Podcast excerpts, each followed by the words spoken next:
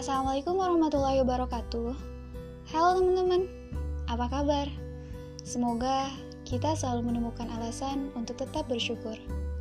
Karena hidup harus tetap berjalan, sekalipun kamu harus tertatih dalam letih dan melangkah dalam hati yang mungkin tengah ditempa. Ubahlah semua tangis getirmu dengan sebuah langkah yang kamu awali dengan senyuman. Senyuman keyakinan bahwa kamu bisa, bahwa kamu mampu. Tidak mungkin Tuhan mencipta rasa jika tidak diberikan kepada kamu yang bisa. Kamu yang bisa mencipta senyum dalam duka, mencipta tawa dalam nestapa. Sekalipun kamu merasa tak mampu, langkahlah. Sekalipun kamu merasa tak bisa, paksakanlah. Sekalipun air mata ikut menumpah rasa, tersenyumlah.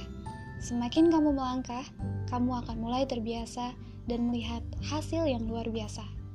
Ketika itu, kamu melihat bahwa Sang Pencipta begitu indah dalam rasa, membuatmu bersyukur karena pernah ditempa sebegitu hebatnya, dan kini kamu tumbuh menjadi pribadi yang lebih dewasa.